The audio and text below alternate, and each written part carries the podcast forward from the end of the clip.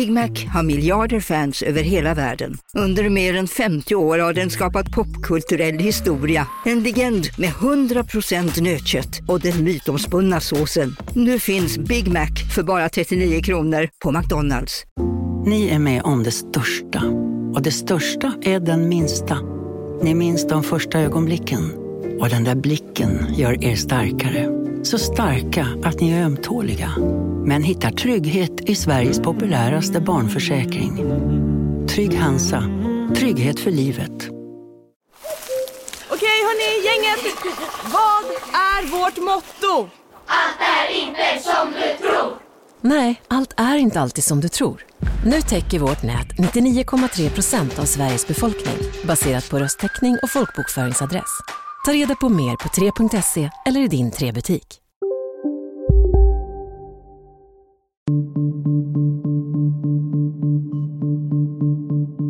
Det handlar en hel del om retorik. Det handlar en hel del om vad vi har för bild om ett samhälle som eh, uppfattas som att det, det inte fungerar eller att det håller på att gå sönder. Om man är extremist så är man ju av uppfattningen att det som man tror på är någonting som eh, andra inte har sett. Att någonting är eh, trasigt. Det tror jag trycker ut eh, de här mest extrema människorna, de här som är villiga att ta, ta till våld. Allting är inte fullt ut reglerat och fastlagt och, och i den meningen så lägger vi rälsen samtidigt som vi åker på den. De har sexualiteten som vapen. Ja, det gör det ju, det gör det ju inte gott att jobba med det där. Och framförallt inte som man. Omorganisationen var nödvändig. Det var nödvändigt att det blev en myndighet. Men själva genomförandet var, var verkligen inte bra. Jobbet försvann. Så i april där någon gång så kände jag att det här går ju inte längre. Jag fick bara mer och mer att göra men jag fanns inte i en enda organisationsstruktur eh, någonstans. Jonas Trolle är sedan ett och ett halvt år chef för den enhet inom Brottsförebyggande rådet som ska vara navet i arbetet mot våldsbejakande extremism. Han har tidigare varit poliskommissarie och biträdande områdespolischef och något som han har lagt mycket kraft på är trafficking. Ett av hans utredningsfall gällde den polischef som också gick under namnet Kapten Klänning. Man kan säga att Jonas Trolle har bytt arbetsområde från människohandel och koppleri till terrorism och systemhotande brottslighet. Han ska leda en relativt liten grupp medarbetare för att förbättra och stärka det förebyggande arbetet mot våldsbejakande extremism. Men varför blir de som vill skada och döda på ideologisk grund bara fler?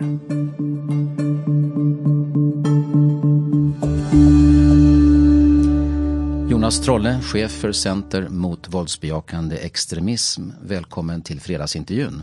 Tusen tack. Du har nu ett statligt ämbetsmannauppdrag som går ut på att stävja ett av de allvarligaste hoten mot vårt samhälles stabilitet och trygghet. Hur ser du på det här jobbet som du nu har? Jag är ju givetvis väldigt ödmjuk inför den här uppgiften. Och vi är ju ett, en relativt liten grupp som ska arbeta med det här på en strategisk och nationell nivå. Och det är oerhört viktigt att vi kan göra det arbetet tillsammans med andra aktörer. Och då tänker jag på kommuner, my andra myndigheter, civilsamhället, trossamfund och så vidare. Så att förutsättningen för att det arbete som jag och mina medarbetare gör ska fungera, det är att vi har en, en god samverkan med många andra. Vad är den viktigaste kompetensen för både dig och dina medarbetare för att ni ska bli framgångsrika? Det handlar väldigt mycket om att ha en förmåga att bygga nätverk och att nå ut i många kanaler. Eftersom eh, det är många personer i myndighetssfären och i kommunsfären och även i civilsamhälle och trossamfund som har, har möjlighet att kunna göra skillnad. Och det vi vill ge det är ju glasögon och kunskap kring den våldsbejakande extremismen som en del i alla de här tjänstepersonernas viktiga uppdrag. Det här är, jag har full respekt för att de vi möter och arbetar för är människor som också är upptagna med andra väldigt viktiga eh, frågor. Ja, kommunerna har ju inte få ansvarsområden direkt. Nej, de har inte få ansvarsområden och det är någonting som har blivit ännu tydligare för mig idag i den här rollen. Och då, och då måste jag möta dem med respekt och också visa, eh, visa på den här frågan och, och, och, lägga till den här frågan utan att den blir övermäktig och en fråga som, eh, som, som skälper allt, allt det andra viktiga som du har att, att förhålla dig till som kommun, mm. kommunanställd. Du har sagt i en intervju i chefstidningen att det ni håller på med är svårare än polisjobbet. Vi lägger räls samtidigt som vi arbetar. Mm. Vad menas med det? Ja, polisjobbet är ju väldigt mycket lagligt reglerat och du har en, en, en lagstiftning som också dessutom har funnits över tid. Den är, den är gammal och ganska solid och det finns praktiker att använda som, som vi Eh, Eh, många har gjort före oss. Men i det här arbetet så är det så att när det gäller centret som, vi, som jag driver nu då så mycket av det vi gör idag kanske inte, har kanske inte gjorts i Sverige och det har, finns heller inte internationella motsvarigheter i någon särskilt stor utsträckning. Och vi ska jobba förebyggande. Och det gör att vi också, vi måste testa saker, vi måste pröva saker, vi kan inte alltid vänta in Eh, så att vi är helt säkra på att de initiativ och de mått och steg vi vidtar, eh, att vi är helt säkra. Utan, utan här handlar det om att eh, känna av och, och, och, och, i vissa delar pröva sig fram. Men sen också givetvis jobba med de brottsförebyggande praktiker som, som finns eh, sedan tidigare. Och där har ju jag och mina medarbetare olika erfarenheter. Men håller ni alltså delvis på att improvisera då ja, på centret? Nej, improvisera gör vi ju absolut inte. Utan det är ju en, en eh, men, det, men vi måste ha en ständig utvärdering. Vi måste ha en ständig utvärdering. Var det här rätt insats? Är det, är det här Eh, är det den här vägen vi ska mm. gå? Men eftersom det är så långsiktigt mm. förebyggande arbete så kan det inte vara lätt att snabbt se om det man håller på med är rätt sak. Det Nej. kanske tar tio år. Ja, det. precis. Och det, det är ju det som är i väldigt mycket förebyggande arbete så är det ju så att resultatet av det som vi gör och andra gör i, i förebyggande arbete, i trygghetsskapande arbete så måste man ha en långsiktig strategi. Och den långsiktiga strategin kanske ger en utdelning på 10, 15, 20 års sikt. Och jag inser att det både för oss och för mig men även för andra kan vara frustrerande. Men det är ju så ett samhälle ser ut och vi måste våga lyfta blicken och ha en långsiktighet. Eh, eh, och, och, och det går inte att alltid få ett omedelbart resultat eller se ett Men hur säker är du på att den gör rätt saker? Ja, I vissa delar är jag säker på absolut att vi, gör eh, att vi gör rätt saker. Sen finns det säkert en hel del som vi i efterhand kan säga så här att det där var kanske inte det allra bästa. Men, men, men syftet handlar ju nu om att, att jobba långsiktigt strategiskt eh, tillsammans med andra, använda andras erfarenheter och kunskaper titta också på hur man gör internationellt. Men att allting är inte fullt ut reglerat och fastlagt. Och, och i den meningen så lägger vi rälsen samtidigt som vi åker på den.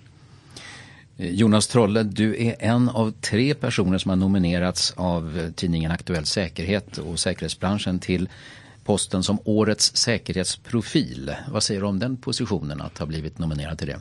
Nej, men jag är jätteglad för att ha fått en sån nominering såklart. Och eh, det är ju, jag har ju jobbat, jag har ju varit polis och eh, jobbat i, den här, i, den här, i det här häradet i 25 års tid. Och det är ju en jättefin erkänsla att få en sån, en sån eh, nominering. Du känner dig som en säkerhetsprofil? Nej, jag är väl, jag är ju eh, Ibland, det har gått väldigt fort. 25 år gick väldigt fort. Jag, mm. jag, I vissa lägen är jag ju fortfarande den här eh, killen som gick till polisskolan 1995 från bussen och eh, var ganska nyfiken och, och lite vilse. Och, och, och, den känslan har jag kanske kvar fortfarande ibland. Så att, att, eh, vara en, att vara en tänkbar säkerhetsprofil och efter 25 år i branschen, jag inser ju att det är klart att det är att man har en viss erfarenhet. Men, men eh, fortfarande är jag ju mycket en, liksom, en kille från Vändelsö. Det anses av Säpo att det finns omkring 3 000 personer i Sverige som tillhör de våldsbejakande extremistmiljöerna. Eh, av dem är drygt 2 000 våldsbejakande islamistiska extremister eh, medan runt 1000 då sammanlagt skulle finnas i vitmaktmiljön och i autonoma miljöer. Eh, det här är en betydande ökning på bara några år så frågan är varför ökar antalet våldsbejakande extremister i ett land som Sverige? Ja, det är ju, det är ju en fråga som man absolut kan ställa sig klart är det att det finns ett antal människor i vårt land som uppfattar att den enda lösningen på för dem eh, uppfattade problem och, och, föreställningar om hur, hur världen ser ut enbart går att lösa med våldsamma medel. Eh, och att den, den gruppen eh, har då ökat. Eh, det, det, är ju problematiskt eh, givetvis att det förhåller sig på det sättet. Eh, jag tänker att det är mycket ett debattklimat och ett samhällsklimat som skapar det här. Att det, det, skapar en känsla av och också stärker en hel del människor och vissa då blir än mer extrema av det här. Att, att eh, tilliten till samhället, eh, uppfattningen om samhällskontrakt och så vidare är någonting som en hel del människor då eh, menar på inte, inte fungerar fullt ut. Men, men samtidigt så så, så jag tror att många bidrar till att också flytta de som är mest extrema ut i sina ytterkanter. Men vad är det för drag i samhällsutvecklingen eller i atmosfären som du tänker på? Det handlar en hel del om retorik. Det handlar en hel del om vad vi har för bild om ett samhälle som i många stycken när människor eh, Eh, uttrycker sig eh, uppfattas som att det, det, inte fungerar eller att det håller på att gå sönder eller att det är eh, saker som eh, man har eh, misslyckats med och som gör att, att det riskerar att, att, haverera eh, eh, för, för, för människor och för medborgare. Och det där är ju det där är ju en upplevelse och en diskussion som blir problematisk och som också förstärker en, en, någon slags nedåtgående spiral. Och det tror jag, tryck, det tror jag trycker ut eh, de här mest extrema människorna, de här som är villiga att ta, ta till våld. Jag kommer att tänka på ett, um, en formulering som jag tror jag användes i valdebatten inför det förrförra valet. Mm. Nämligen någonting i Sverige håller på att gå sönder. Just det. Mm. Eh, det var väl Socialdemokraterna, var Socialdemokraterna. som sa det. Ja.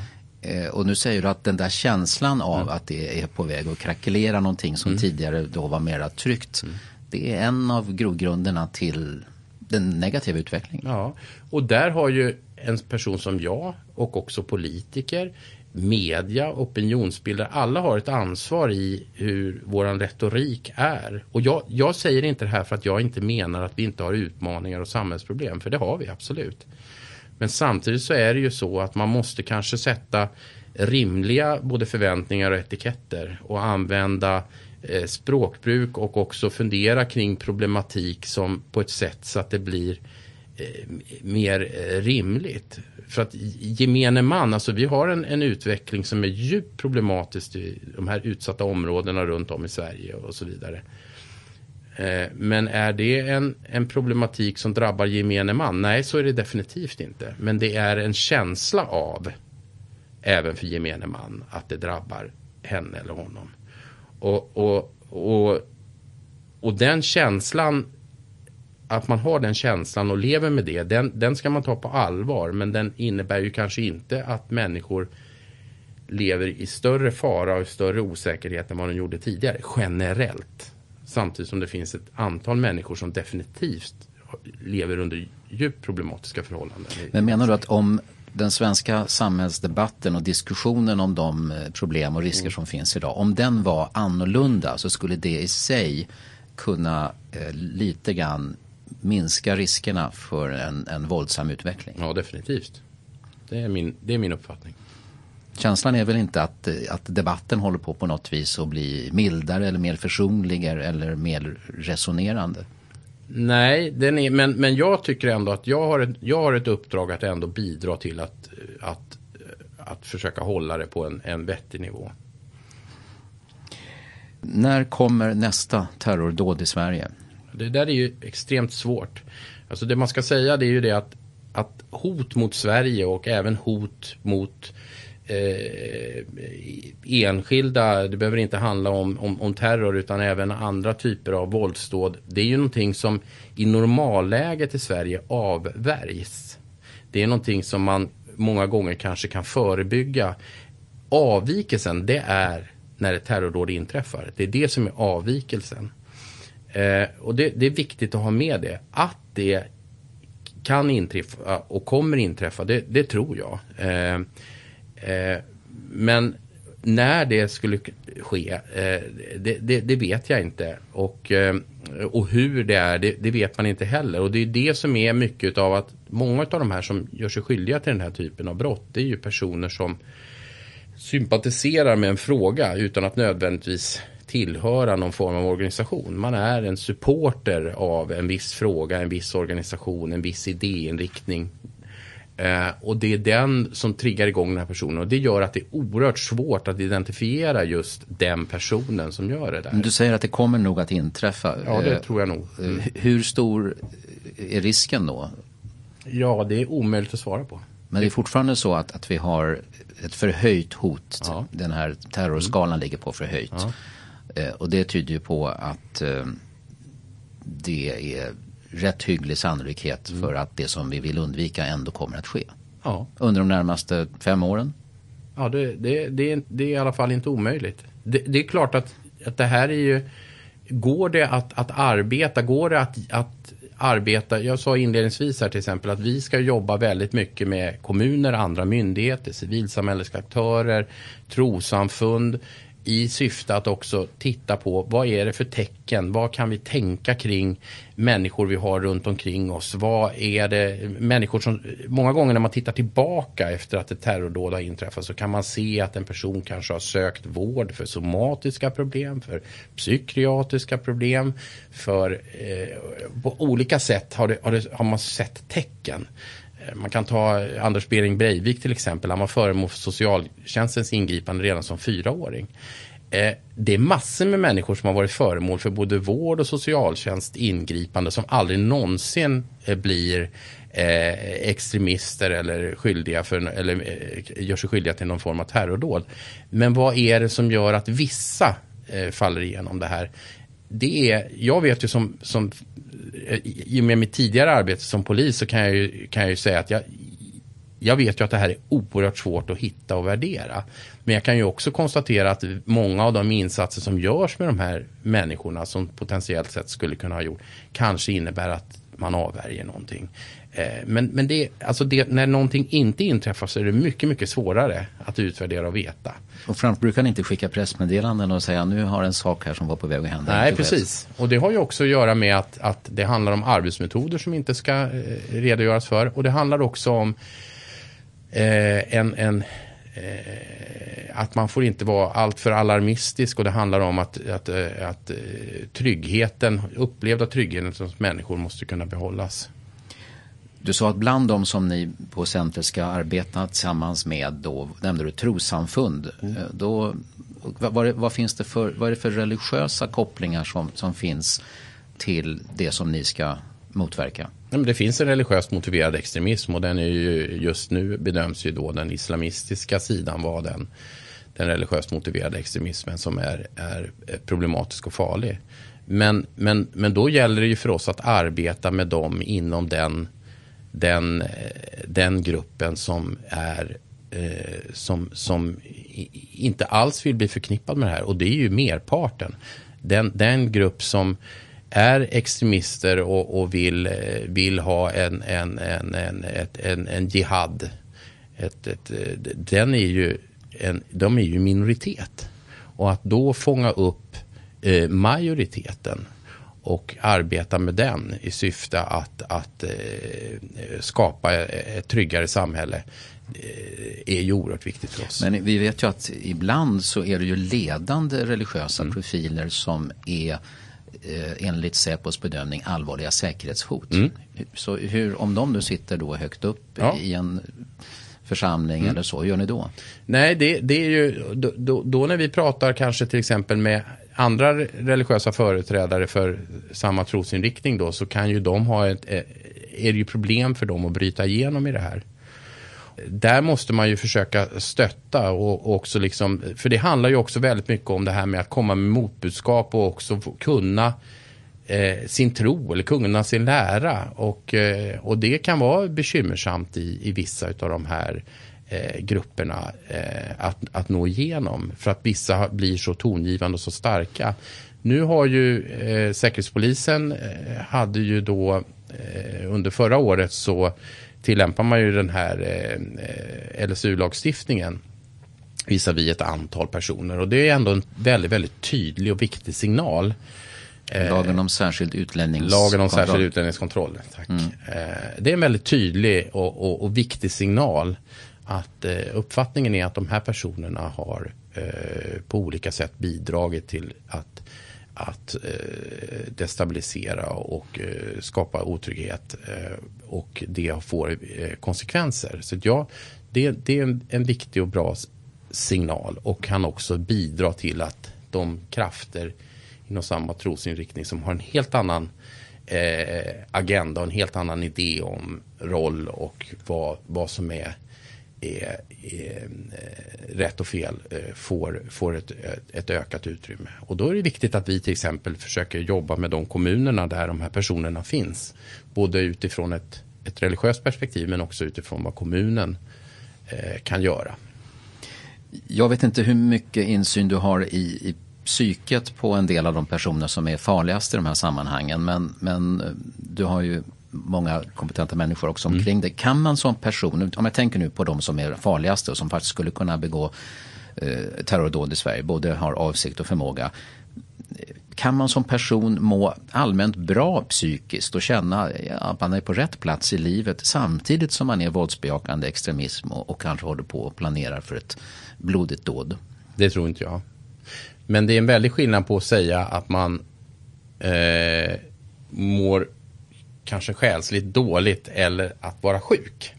Den tycker jag är viktig skillnad. För att vi vill ju gärna tänka att personer som gör sig skyldiga till fasansfulla dåd är sjuka. Det är lättare att hålla det ifrån sig. Men det vill jag påstå att man många gånger kanske inte är. Utan, men däremot så är det klart att om man är extremist så är man ju av uppfattningen att det som man tror på är någonting som eh, eh, andra inte har sett. Att någonting är eh, eh, trasigt, att någonting håller på att gå överstyr i ett samhälle och man är till och med beredd att ta, ta till våld för att uppnå det målet.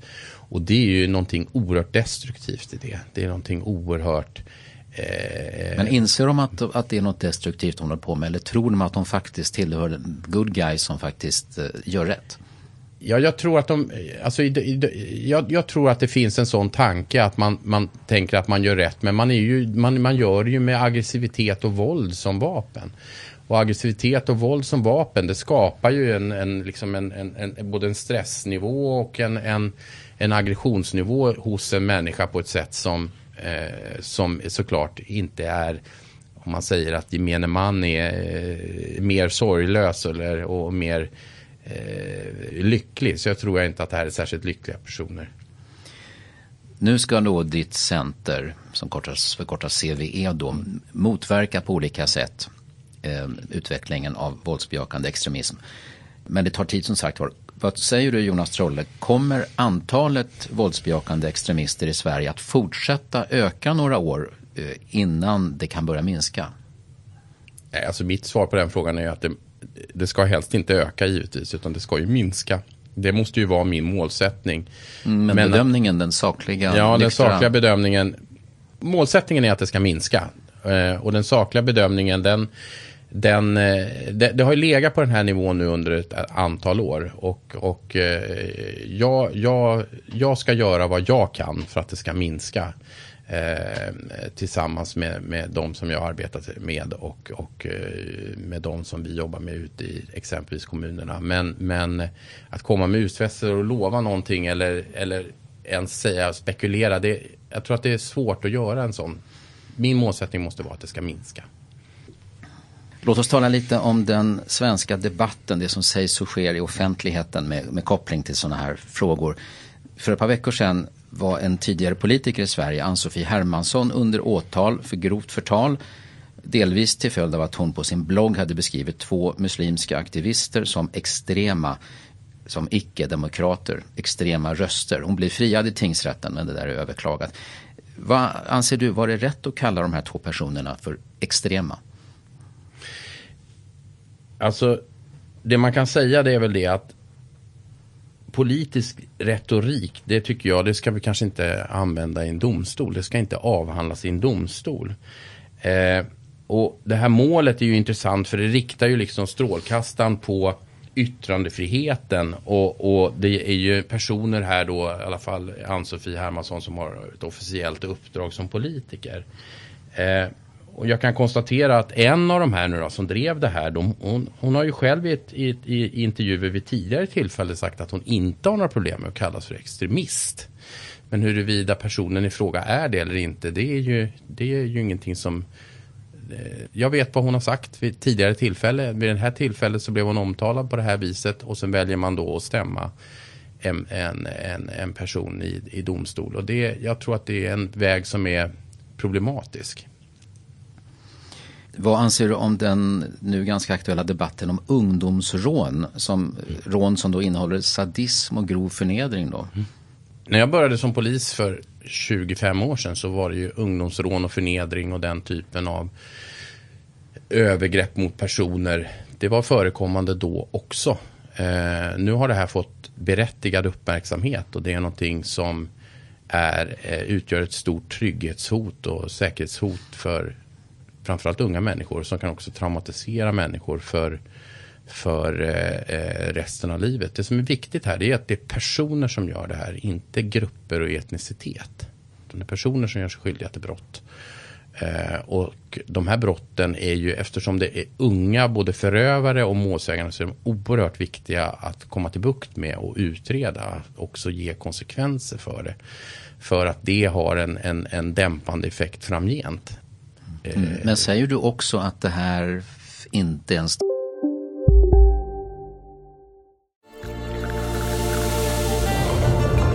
Välkommen till Maccafé på utvalda McDonalds restauranger med Baristakaffe till rimligt pris. Vad sägs om en latte eller cappuccino för bara 35 kronor? Alltid gjorda av våra utbildade baristor. Hej Sverige! Apoteket finns här för dig och alla du tycker om. Nu hittar du extra bra pris på massor av produkter hos oss. Allt för att du ska må bra. Välkommen till oss på Apoteket. Hej, Synoptik här. Livet med glasögon ska vara bekymmersfritt. Därför får du 30% på alla glasögon när du väljer Synoptik All Inclusive. All service ingår alltid. Välkommen till Synoptik. Stor förändring. Du sa att det hade ni även Ja, men alltså jag, jag ser ju så här att jag kan ju se att det här, det här har funnits över tid. Det är klart att vi statistiskt sett nu har fått en ökning. Det, den är ju påvisbar att det är en statistisk ökning. Men, men företeelsen har ju funnits även tidigare. Jag tycker att det är bra att man belyser det nu. Eh, men det är, det är någonting som har, som har funnits och, och, och pågått under en längre tid. Eh, jag tycker att det är bra att det får en berättigad uppmärksamhet. Jag tycker också att det är bra att unga människor anmäler den här typen av brott som de blir utsatta för. Jag kan tänka mig att det har funnits ett mörkertal innan och det är ju en del som säger det också. Jonas Trolle, du hade 24 år inom polisen bakom dig, eller var det 25 när du tillträdde? Ja, 24. 24 ja. som chef för Center mot våldsbejakande extremism. Och det som du väl är mest känd för är att du tog fast den polischef som senare dömdes för grov våldtäkt och koppleri och som gick under smeknamnet, eller vad man ska kalla det för, Kapten Klänning.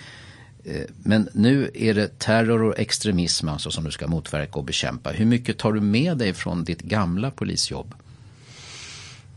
Ja, det är en hel del vill jag påstå. Alltså att, att ha den, det yrk, den yrkesbakgrund som jag har, det ger mig ingångar i väldigt mycket av vårt arbete handlar ju om att jobba med Polismyndigheten och, och vara inne i Polismyndigheten och även inom Säkerhetspolisen. Det gör att min er, tidigare erfarenhet där jag har jobbat på olika ställen inom svensk polis, det gör att jag har ingångar och ett kontaktnät som är väldigt, eh, väldigt, eh, eh, vad ska jag säga, det är väldigt eh, bra för mig att, att ha det. Jag, det underlättar mitt arbete.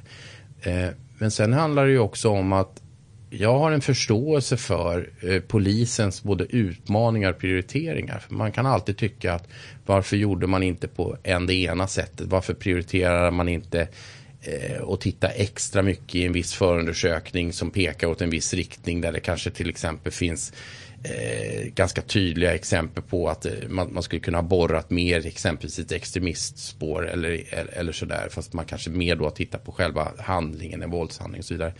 Jag förstår och har respekt för att polisen då många gånger väljer en, en enklare och snabbare väg. För att man har en, en enorm arbetsbörda och det finns hela tiden mer deg att baka med. Eh, och den insikten gör att, att Eh, och förståelsen gör att det blir lättare för mig i interaktionen med den viktiga myndighet som polisen är och de medarbetare som är där. Ehm, och sen så har jag väl också genom mitt polisyrke blivit jag är ju nyfiken på människor. Jag är nyfiken på att samtala och lyssna och lyssna in och, och, och, och försöka tolka i syfte att, att på olika sätt skapa olika lösningar. Så polisyrken, man blir väldigt mycket multikonstnär i att, eh, att interagera med människor. Som jag tänker mig också att journalistyrket är. Och, och det har jag nytta av varje dag. Du arbetade sex år på eh, polisens människohandelssektion här i mm. Stockholm. Vad, vad åstadkom du och dina kollegor där under de åren? Men vi, vi jobbade ganska intensivt med att eh, då sätta dit eh, grupper som handlade med människor. Alltså det var ju både svenska och utländska grupperingar som köpte och sålde kvinnor för sex, framförallt sexuella ändamål. Eh, och eh, det var ett arbete som det, det, det här var ett arbete som, bekämpar, som bekämpar en del av den grova organiserade brottsligheten. Och eh, eh exploateringen av människor, en, mycket hänsynslös exploatering av människor. Det, det, vi kunde se under de här åren det var ju att Eh, antalet personer i prostitution som fanns i Stockholm minskade. Eh, både på gatunivå, på hotellnivå och i lägenheter och så vidare. Att det hade en effekt och att det, fanns, det var en avskräckande effekt också för utländska ligor att etablera sig i Sverige. Eh, och eh, det, är ju, det var ju någonting som var positivt. Vi hade god hjälp av den svenska sexköpslagen ska jag säga. Som förbjuder män, eller män, som förbjuder människor att köpa sexuella tjänster. Men som inte eh, gör eh, den som erbjuder den här, eh, alltså den som, som, som ut, utnyttjas i det här eh, är ju inte då en person som, som kan lagföras. Och det här gjorde ju också att vi fick eh, möjlighet att kunna förhöra och, och göra bra förundersökningar i syfte att komma framåt i ärendena. Och, och den, den hade stor nytta och relevans. Hur fungerar människor som handlar med människor? Ja, de är oerhört cyniska. Det är en handelsvara. De vill tjäna mest pengar till minst risk. Och de skyr egentligen inga medel för det. Och det är en, det är en, det är otroligt eh, vidrig hantering i, i faktiskt. Eh, och eh, eh, det som är också med det här om man tittar för sexuella ändamål det är ju det att det är en vara som hela tiden kan konsumeras om och om och om igen. Om man tittar på narkotika så är det någonting som konsumeras och eh, försvinner. Sen måste det produceras nytt och smugglas nytt. Och så. Men de här människorna de kan liksom utnyttjas eh, om och om igen under en väldigt, väldigt lång period. Vad är det som gör att vissa människor är beredda att, att göra så här mot andra människor? Ja, det är profit såklart. Men det är också att... Ja, men det är många som vill tjäna pengar. Ja, men, men alltså profit på ett sätt som som, är, som, som skadar, man skiter i om man skadar en annan människa. Man, man, ger, man ger blanka tusan i det. Eh, det finns säkert också en del som nästan går igång på det här att man har människor, dels att man köper någon till exempel sexuella ändamål, men också att man, man hanterar människor. Alltså man hanterar människor och man går igång på en utsatthet. Man tycker att eh, det får en själv att växa. Det får en själv att känna någonting av makt och, och, så vidare. Jag förstår att de här sex åren som du hade på just det där området var rätt prövande mm. för dig själv. Mm. Vad, vad, hände med dig då som... Ja, det gör det, ju, det gör det ju inte gott att jobba med det där. Och framförallt inte som man eftersom huvuddelen av förövarna, både när det gäller de som hanterar det här och de som köper det här, är ju män. Och de har sexualiteten som vapen. Eh, jag är man och jag är en sexuell person, givetvis. Eh, så det är klart att det sätter igång en väldig massa tankar och det gör, man funderar ju väldigt mycket på, på mänskligheten och på manligheten och dessutom när man då som i vissa fall stöter på personer i vårt eget rättsväsende som är som så att säga som och kollegor som eh, som kunder och som faciliterar som det har varit vid några tillfällen. Då blir man ju ännu mer desillusionerad i någon mening. Eh, och det har varit jobbigt. Absolut. Så där kunde du inte riktigt vara den distanserade Nej. analytiska polismannen? Nej, i alla fall inte när man kommer hem och ligger och funderar. Och jag, jag kan säga, jag har sagt det förut, att de där sex åren det var ganska lagom för mig att jobba med. Sa du inte någonstans att det kanske var något år för mycket? Jo, det var det också. Men vad hände med dig som person då? Nej, jag blev nog ganska, eh, jag blev nog ganska avtrubbad och lite, vad ska vi säga, ja, jag, funder, jag funderade väldigt mycket över hur jag också var som person. Hade du anledning att göra någon, någon revision av dig själv? Nej, men jag, jag, pratade mycket med min fru vid, den där tidp vid de där tidpunkterna. Och jag har pratat väldigt mycket med en del kompisar kring det här. Eh, jag var väl inte så att jag gick in i jättedjupa bryderier kring det. Men, men som sagt, det, det gör en inte gott. Eh, eller gjorde inte mig gott i alla fall. Eh, att hålla på. Eh, det, var, det var lagom. Sex år. De som köper sexuella tjänster brukar ju benämnas torskar. Mm. Fast det är bara manliga sexköpare va, som mm. kallas torskar. Det finns ju kvinnliga också. Eh, det är ju sedan ett antal år ett brott. Vad, vad, kan du säga om, om torskarna som du och dina kollegor har mött och, och avslöjat? Och vad är det som får dem att, att, att trotsa lagen och, och köpa sex? Det är ju inte den sexuella nöden som gör att de köper sex. Utan det är snarare frågan om att kontrollera en situation, ha inflytande över en situation och ha makt i en situation.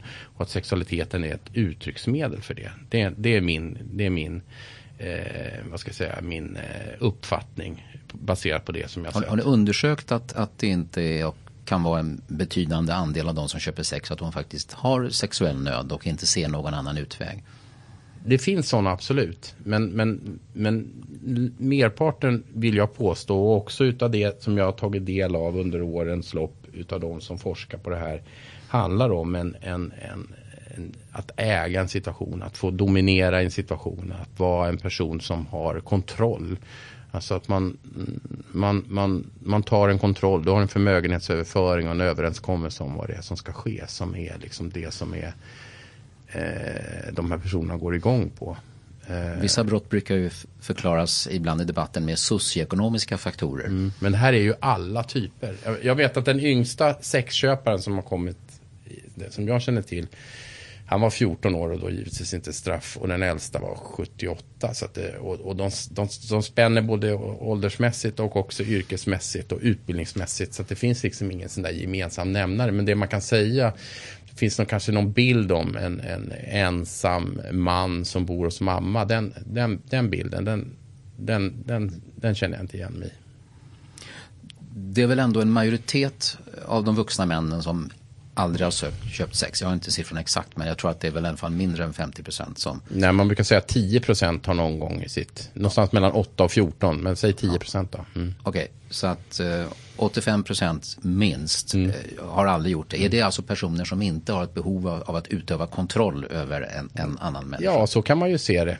Exempelvis. Alltså det, det, jag menar, och, det, och det är ju, och det kan jag ju säga så här att, ja men säg att det är, är, är 90 procent som inte gör det och det är väl jättebra. Du har också sagt så här att det ställde till det i huvudet lite grann när du var så nära den här verksamheten med, med män som använder sexualiteten som vapen och som samvetslöst eh, utnyttjar kvinnor. Och så har du sagt att det är lättare att förhålla sig till en mördare eller en bankrånare mm. än, än till män mm. Eh, som utnyttjar kvinnor på det du viset. Du har läst på. Mm. Det är en fördel. Ja, det är en fördel. Ehm, men hur, hur, ja, men det är det. Hur, på vilket sätt kan det ja, vara lätt att, att förhålla jo, sig till alltså en mördare? En, en som gör sig skyldig till ett det är, det är längre ifrån mig som polisutredare eller som ingripande polis. Men just sexualiteten är ju en del av oss som människor. Och det, den blir ju svårare då att, att hålla ifrån sig. Eh, de här grova våldsbrotten, det här, ett mord eller ett bankrån eller någonting. Det är mycket, mycket längre ifrån det som vi gör vi, det gör vi ju inte i gemene man. Men till exempel ha sex, det, det har gemene man. Och då blir det eh, knepigare, absolut. Mm. Lite om de som ditt center ska serva med det här mm. stödet, samordning, mm. kunskap och, och, sånt där. Ni ska ju vara fortbildande och samordnande gentemot kommuner och mm. myndigheter då i mm. arbetet mot extremism. Och Sveriges kommuner har ju fått många uppgifter och ansvar de senaste decennierna. Ibland undrar man ju hur 290 kommuner, en del av dem mycket små, ska klara av allt som läggs på deras axlar. Men vad gör ni lite mer konkret på, på CVE för att hjälpa kommunerna att, att bli duktiga på det här? Ja, men det, det handlar om att gå in i befintliga strukturer. Inte liksom komma med några pålagor och säga att nu, nu förväntar vi oss att ni ska ta fram en, en, planer och eh, olika typer av, av, av, av, material. Och det handlar om också att se på vad har vi en viss kommun, vad har en viss kommun för problembild och vad har andra kommuner inte för problembild. Eller vad är det vi kan hjälpa till med att kunna se vad som är bekymret i, i den här kommunen. Eh, om det nu överhuvudtaget finns något. Och, och, och, jobba där, där det behövs och också vara relevanta när en, in, när en händelse inträffar. Att, att finnas där och säga, för att många gånger när en händelse inträffar, och den behöver ju inte vara jättespektakulär eller någonting som det står om i tidningar överallt och så vidare. Men man gör ett polisingripande, det kanske finns en, en misstanke om någonting. Ja, hur ser det ut i övrigt i kommunen? Har den här personen en familj? Var bor den här personen? Vad innebär det här i form av någon slags motreaktion? Vad säger medborgare och samhälle runt omkring? Hur kan man som kommun jobba med det? Hur kan man som lokal polis jobba med det? Vad, vad, är, vad är det så att säga för just den här platsen som är viktigt att ha relevans? Men alltså jag tror många tänker så här terrorism och, och eh, andra eh, extremistiska och våldsbejakande källor i Sverige. Det är ju ett systemhotande mm. nationellt hot. Mm.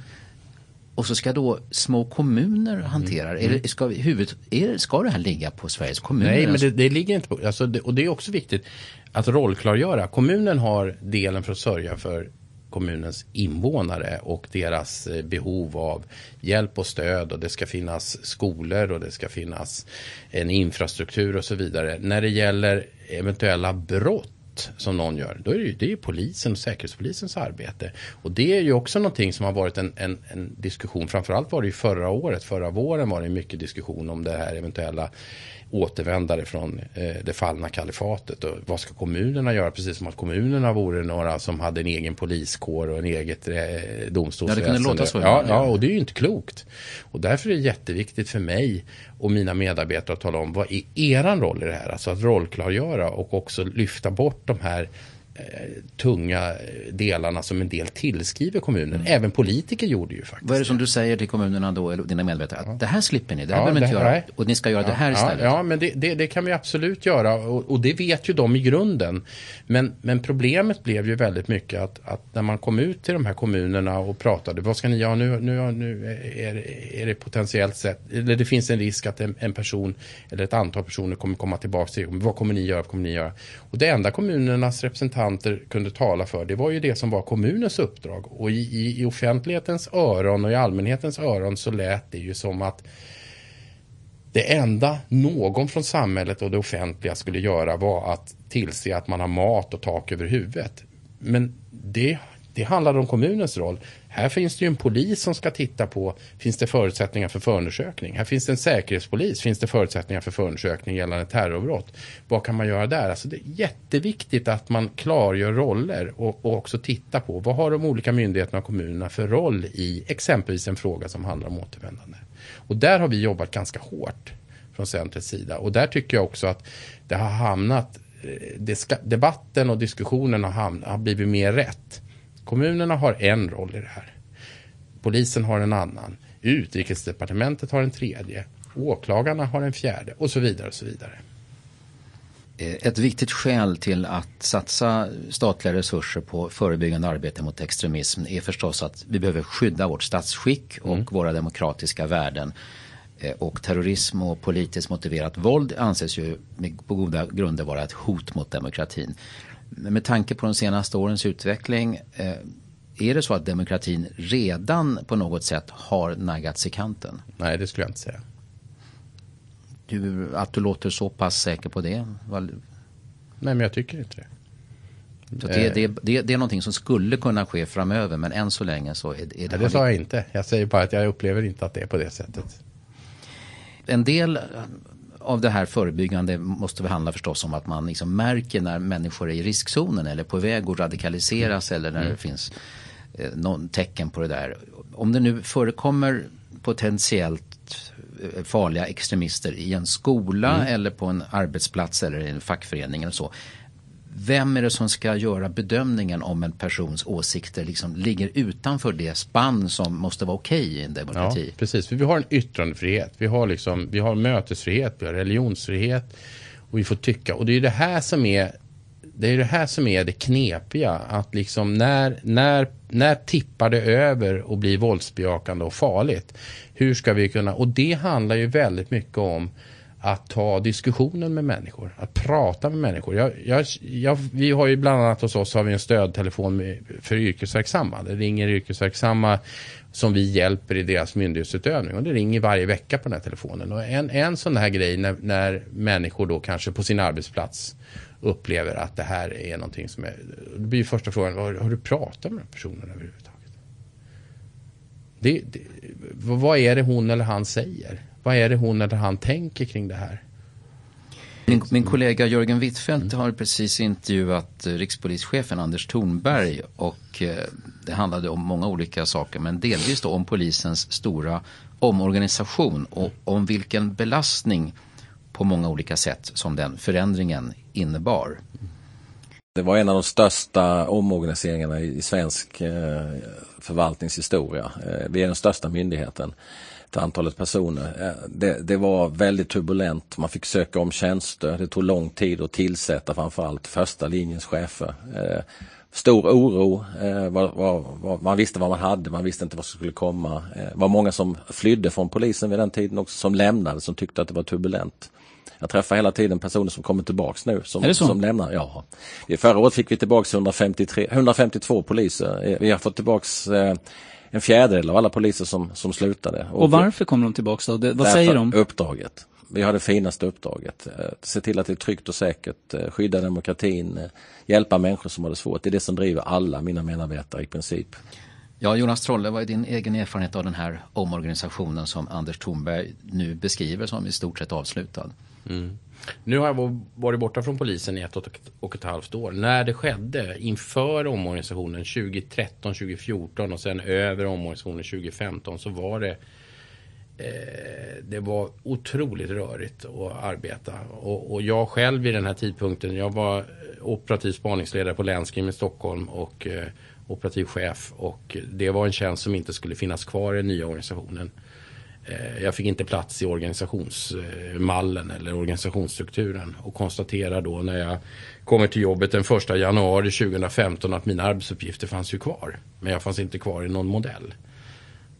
Och det var ju, det var ju inte bra. Och dessutom så var det ju på det sättet att det är precis som eh, rikspolischefen säger, Anders Thornberg, att första och andra och även tredje linjens chefers rekryteringar tog väldigt, väldigt lång tid. Vilket skapade ett vakuum som inte heller var bra.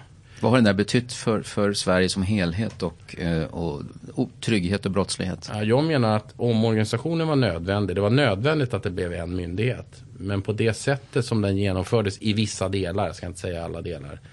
Eh, själva genomförandet var, var verkligen inte bra. Det gjorde att man tappade tempo och att också en hel del kompetenser försvann. För att upp, nu, nu, säger rikspolischefen att många kommer tillbaka. Och det, det, är en uppfattning som jag också delar utifrån vad jag kan se och, och, och uppfatta. Eh, men samtidigt så var det ju på det sättet att, att det, var ju inte, det var ju bra människor många gånger som lämnade. Och eh, det gjorde att man fick ett tapp. Ett erfarenhetstapp, ett kunskapstapp, ett driv som försvann. Eh, och att många människor blev kvar som också eh, givetvis hade ett driv men där man kanske befann sig i ett stadium där man inte fullt ut kunde orientera sig. Och det där är ju inte bra för att om man ställer om en bilfabrik Ja, då kan du ha en industrisemester och så kan du stänga allting över industrisemestern. Så ställer du om för att du ska börja med en ny bilmodell i augusti. Men det här är ju polisen. det är 24-7 verksamhet. Och, och så, så, att jag, jag kan tycka att det var jag kan inte säga hur man skulle ha gjort bättre, men det var inte supertoppen kanon direkt. Det kan, det kan jag inte påstå. Och själv var du sjukskriven i flera månader ja, efter den här. Du... Ja, men det är ju det där att fasen jobbet försvann. Jobbet försvann. Så i april där någon gång så kände jag att det här går ju inte längre. Jag fick bara mer och mer att göra, men jag fanns inte i en enda organisationsstruktur någonstans.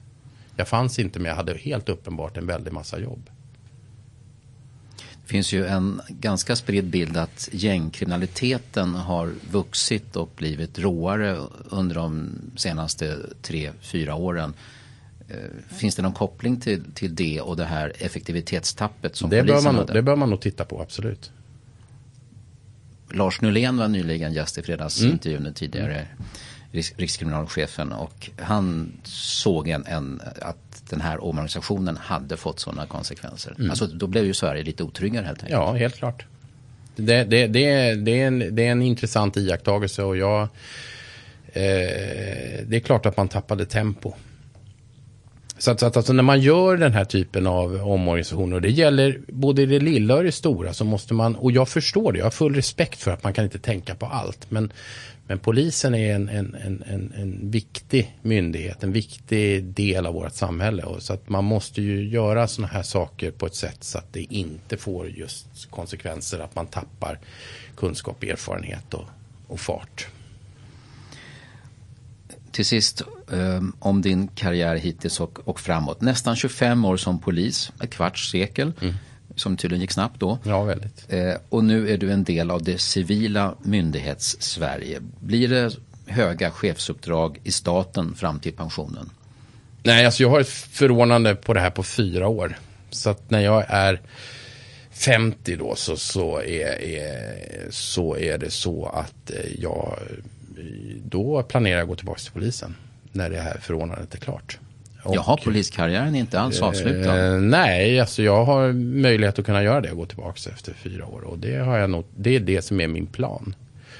Eh, vad som händer och, och, och så, det, det, får ju framtiden utvisa. Men, men jag har alltid hoppat på eh, uppdrag som jag tyckt varit intressanta och, och, och spännande. Jag har inte drivits av att att jag, ska, jag har många gånger också sökt jobb i sidled så att säga. För att jag tyckte att det var ett spännande uppdrag. Så att jag, nej, jag, det, det, framtiden får utvisa. Men alltså planen är att fyra år är förordnandet och sen är det tillbaka till polisen. Och då, vad det blir där, det, det vet jag inte. Varför Men, vill du bli polis igen? Nej, jag tycker att det är precis som jag, jag får citera rikspolischefen, det är ett bra jobb. Eh, och det jobb som jag har nu är ett, ett, ett jättebra och intressant jobb också. Eh, och det är en del av livet här. Men, men min, i min grund och min, min liksom, den är ändå polisyrket. Och det, det, jag tror att det blir så att jag går tillbaks. Och, och vad jag kommer göra då, det, det vet jag faktiskt inte. Jonas Trolle, tack för att du var med i fredagsintervjun. Tack.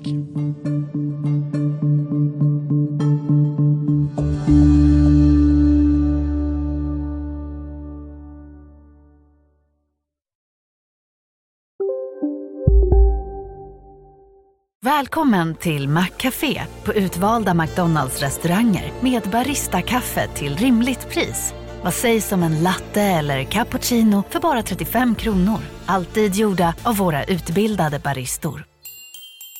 Hej, Susanne Axel här. När du gör som jag och listar dig på en av Krys vårdcentraler får du en fast läkarkontakt som kan din sjukdomshistoria. Du får träffa erfarna specialister, tillgång till lättakuten och så kan du chatta med vårdpersonalen.